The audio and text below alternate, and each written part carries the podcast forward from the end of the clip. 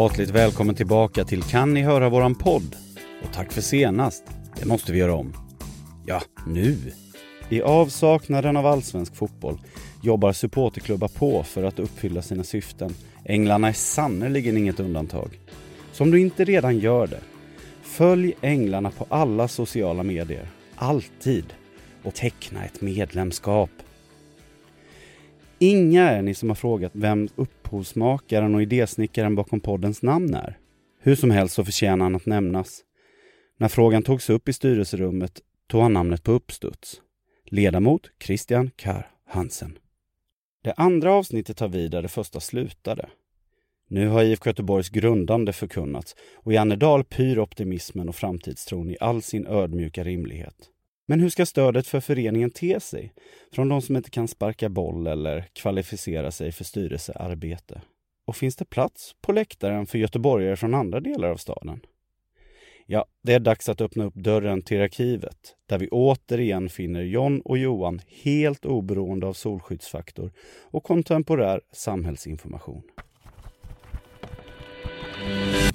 I en svårtillgänglig bunker fylld av gulnande pergament hittar vi inte bara IFK Göteborgs supporterhistoria utan också Johan Elisson, Fällgrau. Hej! Tjena, tjena! Vad har du gjort av Bismarck?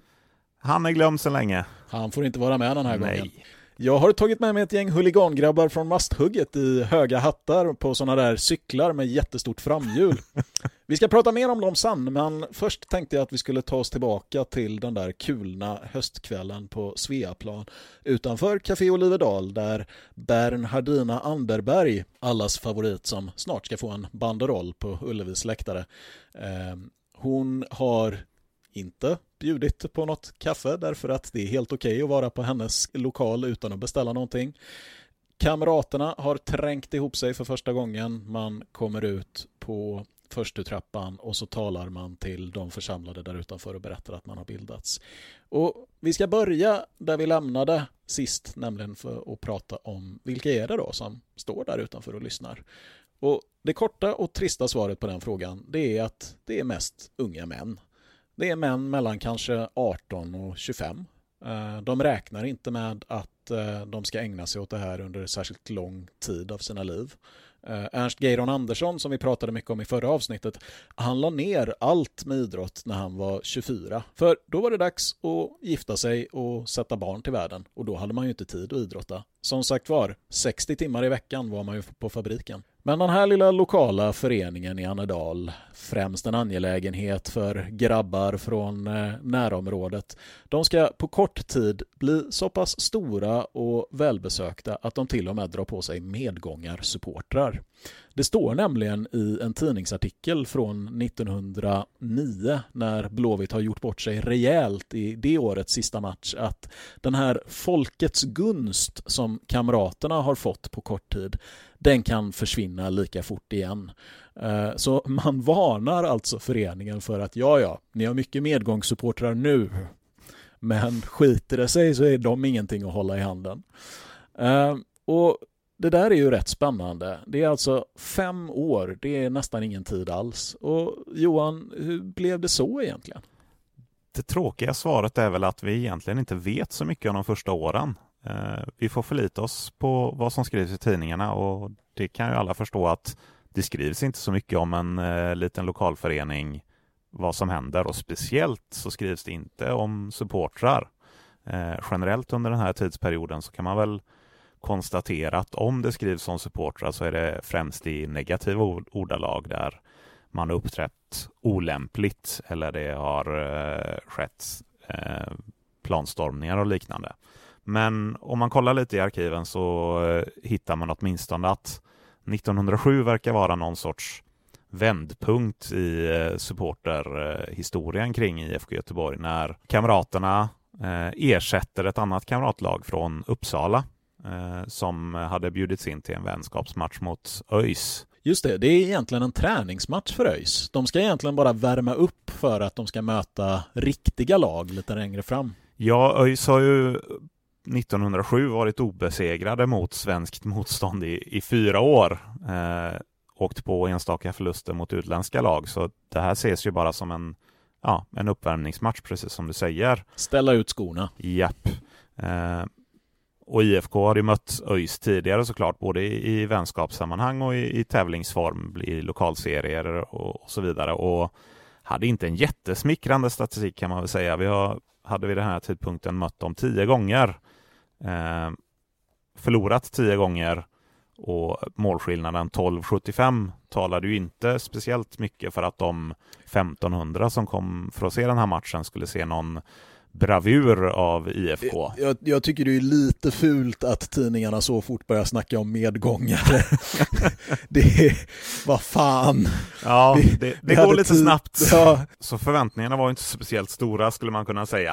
Eh, men det hände sig faktiskt så att IFK Göteborg trots både underläge 0-1 och 1-2 lyckades vända och vinna den här matchen med 4-2 till slut. Och eh, det här eh, gör att två saker egentligen sker. Dels så omskrivs eh, Blåvitt-supportrar i eh, pressen för första gången när Nordiskt idrottsliv publicerar en matchrapport som förutom att beskriva matchen såklart även noterar hur publikens jubel över deras vackra och välförtjänta seger var oerhörd och länge dånade applåderna och bifallsropen ut över planen. Så dels så, så omnämns supportrarna till IFK för första gången eh, på något sätt. Och dels så kan man se i publiksiffrorna att IFK började locka folk även när man inte mötte andra storlag som hade sina egna supportrar. Det var bland annat derbyn mot ÖIS med 5000 åskådare, men där eh, kan man såklart undra hur många som höll på Kamraterna och hur många som hölls på Örgryte.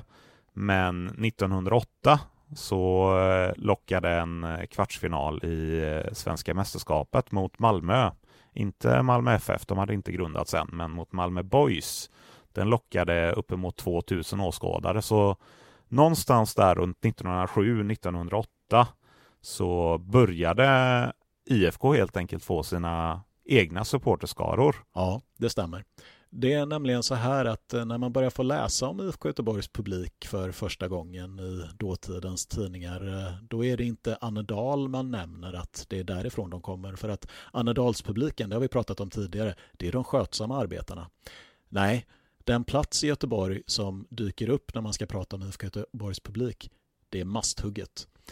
Och på den här tiden så är inte Masthugget och Majorna vad det är idag. Det är inte platser som definieras av IPA-öl och tygpåsar och alldeles för dyra bostadsrätter och en och annan vegamössa. Utan här handlar det om, snarare om vad man kan kalla för bråkiga förorter. Ehm, det står i CRA Fredbergs gamla, Det gamla Göteborg som jag har refererat till tidigare så står det att det fanns ingen hederlig borgare ur liksom det centrala Göteborg som någonsin begav sig ut till Masthugget. Det var svårt att ta sig dit, trafikförhållandena var dåliga, det var ett oborstat klientel som höll, som höll sig hemma där och det fanns liksom ingen anledning för någon att sätta sin fot där. Det skulle vara som någon, om man tänker sig att någon som är bosatt i Vasastan skulle åka ut till Angered. Liksom. Det, det finns ingen skäl att, att ta sig dit. Um, och i Masthugget så växte ett betydligt mer oborstat gäng än Annedalsbornas skötsamma lägre medelklasskillar upp. Och, eh, jag har faktiskt hittat en beskrivning av dem just i CRA Fredberg där han skriver om eh, trafikfaror i Masthugget. Det var ju som sagt var väldigt, väldigt svårt att ta sig runt där och då skriver han så här att till dessa trafikhinder kan vi lägga ännu ett som förr i tiden väckte fasa. Det var den stora mängden arbetare som i ett följe styrde kosan mot sina hem i Masthuggsbergen och under fasansfulla skrål och svordomar jagade alla andra levande väsen ur deras väg. Berusade på smala vägens krogar antastade de alla de mötte och var utan undantag fruktade enär deras vildhet, råhet och kämpalust var vida kända. Dessa hamnbusar var en sannskyldig masthuggsplåga, vilken blev värre år efter år, allt eftersom buselementen friskades upp av nyinflyttat folk från landsbygden. Och det är de här masthuggsbusarna, den här masthuggsplågan, som tar med sig sitt oborstade sätt, sitt fylleri och sitt rövarliv in till fotbollsplanerna i Göteborg, där de samlas för att gå på Blåvitt. De tar sig in på andra plats, det var det ståplats hette på den tiden, och där hurrar de och skränar och för väsen. Då när öjsarna springer ut på plan, då är det folket på läktaren, första plats, som applåderar. Men när kamraterna kommer ut, då är det andra plats som för liv. Och det är inte bara ett positivt liv, utan de utmärker sig också ganska hastigt genom att de inte alltid respekterar idrottens spelregler. Vi har en incident så tidigt som 1910 där de kastar jord och snöbollar på en motståndarmålvakt medan Blåvitt anfaller så att domaren tvingas bryta matchen. Det är ju så att publiken på den här tiden det är svårt att läsa speciellt mycket om dem och när man hittar någonting då är det ofta så att det är för att de har utmärkt sig negativt. Och det här kulminerar eh, 1912 när eh, vi har den första nationellt eh, uppmärksammade publikskandalen i, i svensk fotboll. Det är såklart match mellan IFK Göteborg och, ÖIS. Det är derby. Det är Masthuggspojkar på läktarna. Det har varit stökigt redan tidigare och det blir inte bättre av att den blåvita stjärnan Erik Börjesson under matchen hamnar i slagsmål med en eh, Örgryteback, Gustav Sandberg, gång på gång. Och eh, till slut, det står 1-1. Matchen håller på att ta slut. Erik Börjesson tilldöms en straff. Det är läge att avgöra derbyt. Men det är stökigt och domaren, såklart en stockholmare, såklart. Ruben Gelbord, han blåser av matchen innan straffen läggs. Kan vi få en hata Ruben Gellbord-banderoll också? Ja tack. Någon får fixa det. Jag vet faktiskt inte om man får göra så här, men det gjorde han i alla fall. Eh, och det är såklart droppen som får eh, bägaren att rinna över för Masthuggspojkarna och alla andra kamrater på, på Vallallas gräsplan. Spelarna de springer snabbt in i omklädningsrummen. Supportrarna följer efter. Det krossas fönster. Det strömmar till polis som försöker lugna ställningen men eh, lyckas inte jättebra kan man väl säga. Eh, och Sandberg, eh, Öjsbacken som har irriterat Erik Börjesson hela matchen, han blir föremål för den stora publikens agg. Och någonstans här så tror jag att vi har den första eh, riktiga supporterramsan som skanderas på en läktare när de blåvita supportrarna taktfast skanderar Ut med Sandberg! Ut med Sandberg! Ja, fantastisk ramsa det där. Ja, den, den håller hög klass. Den vill vi också ha på läktaren igen. Kreativ, nyskapande, rytmisk. Eh, och det här dokumenteras såklart stort i pressen. Det är bilder, publicerade fotografier från skandalen. Första gången en skandal eh, visas upp på detta sättet. Publiceras de under rubriken Här dör fotbollen? Antagligen. Åtminstone så publiceras de under någon negativ rubrik. En fläck på den svenska idrottens fana, vill jag minnas att... Eh... Och det är såklart återigen lite debatt i medierna, både med, med försvar ur, av perspektivet bland annat den eh, kände Göteborgsprofilen CV Linde som eh, ändå försvarade Blåvitt ur underdog-perspektivet mot den eh, stormakten ÖIS. Eh, tyvärr vet vi inte riktigt vad, vad som händer med det här. Det finns inga dokumenterade vittnesmål. Det kom aldrig eh, till domstol. Men ett år senare får vi lite mer kött på benen. Ja, precis. Det här är ju stökiga år, de första åren efter att IFK Göteborg har bildat och dragit sina första supportrar till sig. För att den här enorma rivaliteten och eh, hatet som uppstår mellan IFK och ÖIS. Eh, Geiron Andersson, han pratar om att han ännu på 70-talet, när han är 90 bast, så tål han inte att se rött och blått. Eh, det här har att göra med väldigt mycket som eh, vi inte ska prata om här. Ehm, det är ju två föreningar som anmäler varandra för oegentligheter med spelaraffärer och som har svårt att komma överens även i styrelserummen. Um, men det finns ju en anledning till att man uh, bildar alliansen. Det är ju för att försöka normalisera relationerna mellan de här föreningarna för att få bukt med publikstötet. Vi har en ny stor skandal redan året efter det här upploppet som du har berättat om. Det är 1913 när det är dags för derby igen och det på nytt nästan blir slagsmål på planen, vilket då inspirerar publiken att rusa in så fort matchen har blåsts av, ockupera omklädningsrummen och skrika och skälla på Sandberg som tidningarna skriver att Masthuggspojkarna var på de klara med att Sandberg var de skyldiga eftersom han är föremål för deras speciella hat. Eh, och den här matchen 1913, den leder faktiskt till ett rättsligt efterspel. Men vilka är det då som bestraffas? Det är inte supportrarna. Lite förvånande. Väldigt förvånande. Det är faktiskt så att man bötfäller fyra spelare, tre öisare och en blåvit för att man har spelat på ett sätt som har äggat upp publiken så till den milda grad att de inte kan styra över sina egna handlingar.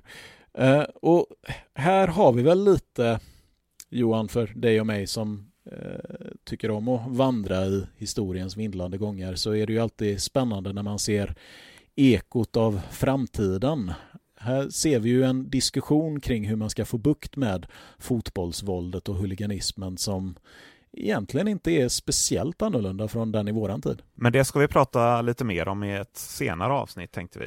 Eh, istället så, som eh, John säger, så måste man hitta sätt att, att få bukt med det här. Så 1914 så startar man faktiskt Alliansen, en gemensam arbetsgrupp mellan ÖIS och Blåvitt som ja, helt otänkbart bara under de fem tidigare åren. Och istället så börjar media nu beskriva Göteborgspubliken som kunnig, sportslig, opartisk eh, och bäst i landet helt enkelt utifrån dåtidens ideal såklart. Vi är Blåvitt bäst i Sverige.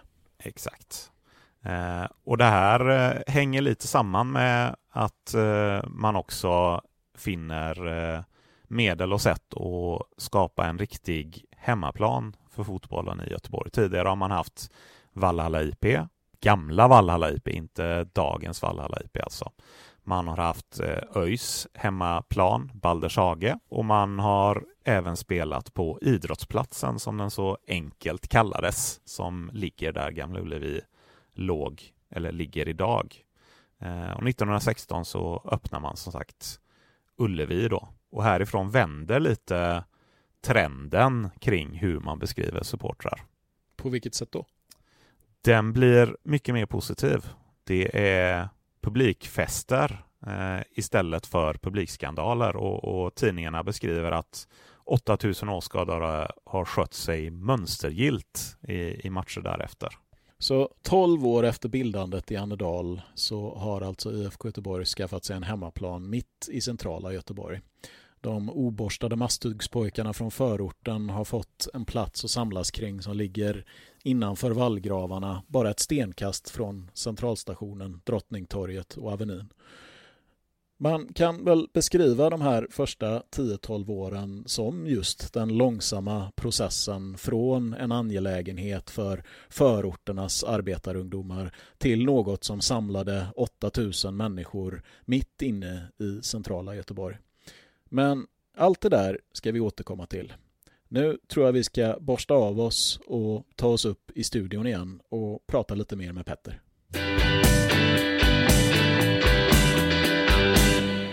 Ja, välkomna upp. Eh, tack, tack, tack. Där står Handis-infektionsmedlet. Kommer behövas. Spännande. Nu har vi kommit in på supportrarna. Mm. Äntligen. Eh, och Annedal, Annedal, Annedal. Många från Annedal.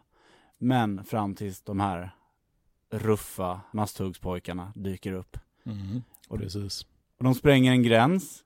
Eh, de beter sig på ett sätt som, eh, som vi inte har sett förut. Men de spränger också en gräns på det sättet att de öppnar väl egentligen upp dem för ett mindre lokalförankrat, alltså stadsdelsmässigt mm. supporterskap. Ja, absolut, visst är det så. IFK Göteborg har ju en, en fördel i det där att redan från början så är föreningen bildad om föreningen bara hade bildats av de här eh, Annedalspojkarna så hade det kanske fortsatt att vara en väldigt lokal angelägenhet.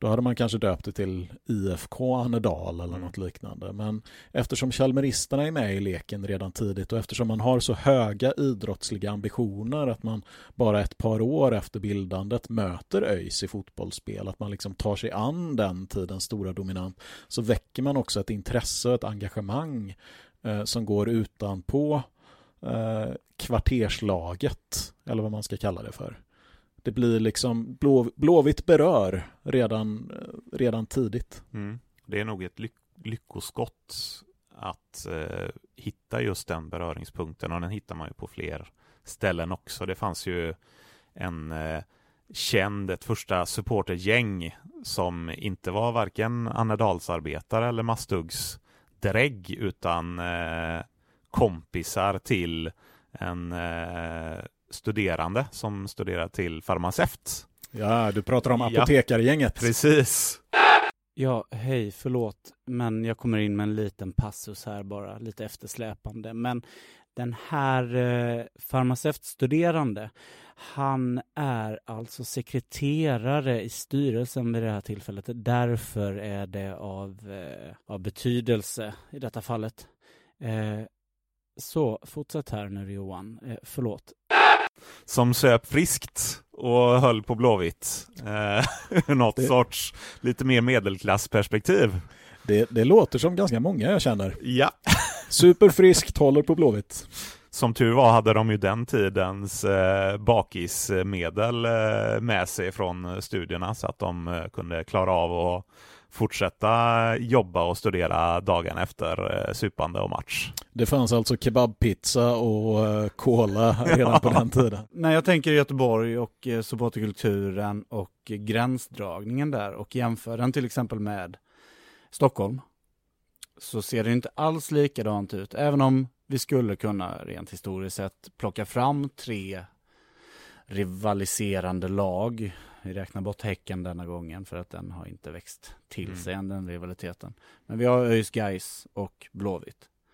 Men vi har inte på samma sätt som vi har i Stockholm där de drar gränser eh, geografiskt om var man ska bo beroende på vilket lag man håller på. Hur känner ni kring den biten? Tror du, drar vi fördelar av den? Ah, ja, lite kluven där personligen så, så lockas man ju såklart av eh, tanken av att ha någon ännu mer tydlig geografisk hemvist. Men eh, vi är ändå hela stadens lag. Ja, det, det, finns ju fördelar och nackdelar det där med att IFK Göteborg är en så allmän, allmän angelägenhet. Eh, det är lite hela stadens lag, hela Sveriges lag, folkets lag har man ju beskrivit IFK som. Eh, och det där är ju både, eh, både a blessing and a curse om mm. man ska säga det. Det gör ju att Blåvitt, Blåvitt blir något allmängiltigt, något som väldigt, väldigt många kan förhålla sig till, något som väldigt många kanske lite sådär halvslött tänker att jo men det är ändå mitt gäng liksom. Men det är inte det här eh, kraftfulla sprunget ur men, men det blir men vår identitet blir ju lite otydligare. Mm. Vi måste jobba hårdare på att hitta liksom, vad är vår, vad, var är våra rötter, vad är vår tillhörighet, vad är vår hemort? Ja, det där som du beskriver är inte riktigt det som värvar medlemmar per automatik liksom, till exempel. Nej, men exakt. Det blir det här att vi är ett väldigt, vi är det mest välkända varumärket i svensk fotboll, men vi drar absolut inte mest publik. Nej, man, man kan liksom inte ur det perspektivet ha kakan och äta den samtidigt. Mm. Jag, jag, vet inte, jag kan uppleva någon form av liksom ängslighet i det där, eh, alltså rent historiskt, för jag kommer ihåg Dels har vi det här med Häcken nu som vill annektera Hisingen det tillhör Häcken liksom att eh, då är vi snabbt på bollen över att se se vad är Häcken, nu? eller se häcken, mest populära lag möta häcken. häcken. Ja, exakt, precis. Att det, det, vi, måste, vi måste ändå så bevaka hela staden hela tiden. Ja. Jag kommer ihåg att Guys när, det måste varit när Gamleport stängde, liksom att de skulle slå, slå an liksom, sätta, sätta sina bopålar kring Järntorget och värma upp där. Mm. Och att det också blev liksom, nej, nej, nej, nej, det där är inte, det där är inte er mark. Det...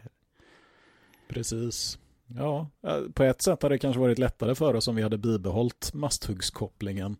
Och det hade varit det som var liksom blåvitt i själ och hjärta. Ja.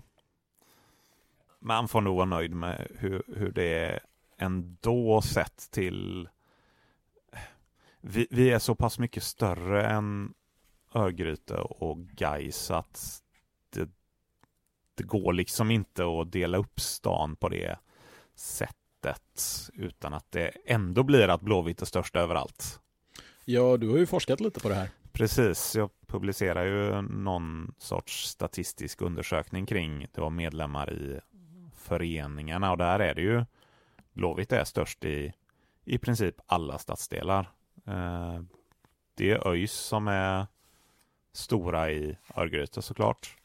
Och det är Gais som är stora i vissa kranskommuner men, men i övrigt så, så är ju Blåvitt-medlemmarna allra flest i, i alla delar av stan. Oavsett om vi pratar Masthugget eller Frölunda eller Mölndal eller centrala stan eller nordöstra Göteborg eller Hisingen för den delen. Och där är, det var väl intressant i den undersökningen att de allra starkaste festerna, alltså där Blåvitt förhållandevis hade ännu fler medlemmar än vad ÖIS och Gais hade, det var ju Hisingen och nordöstra Göteborg. Ja, och då problemet är kanske då mobilisera alla de här liksom för att det ska också vara en ja, men ett, ett drivande stöd liksom, ja. alltså en samlad massa. Eh, ja, jag tänker också kring det här med folkets gunst eh, som ni tar upp och just det, att, att folkets gunst lätt kan förflyktigas. Att vi så, så tidigt i vår historia eh, utpekas så som att vi har medgångssupportrar. Ja, för det är ju också någonting som följer. Eh, framförallt kring eh, ÖIS och Gais, men det är också ett vedertaget begrepp genom svensk supporterkultur över, överlag. Mm. Det är ju det fulaste man kan ha, det är ju medgångssupportrarna. Ja, marginalare som vi också kallar dem hur lockar vi marginalerna till fotbollen när den mm. spelar som den gör? Mm. Ja, eh, och där kommer jag också in på ÖIS-rivaliteten och Geiron.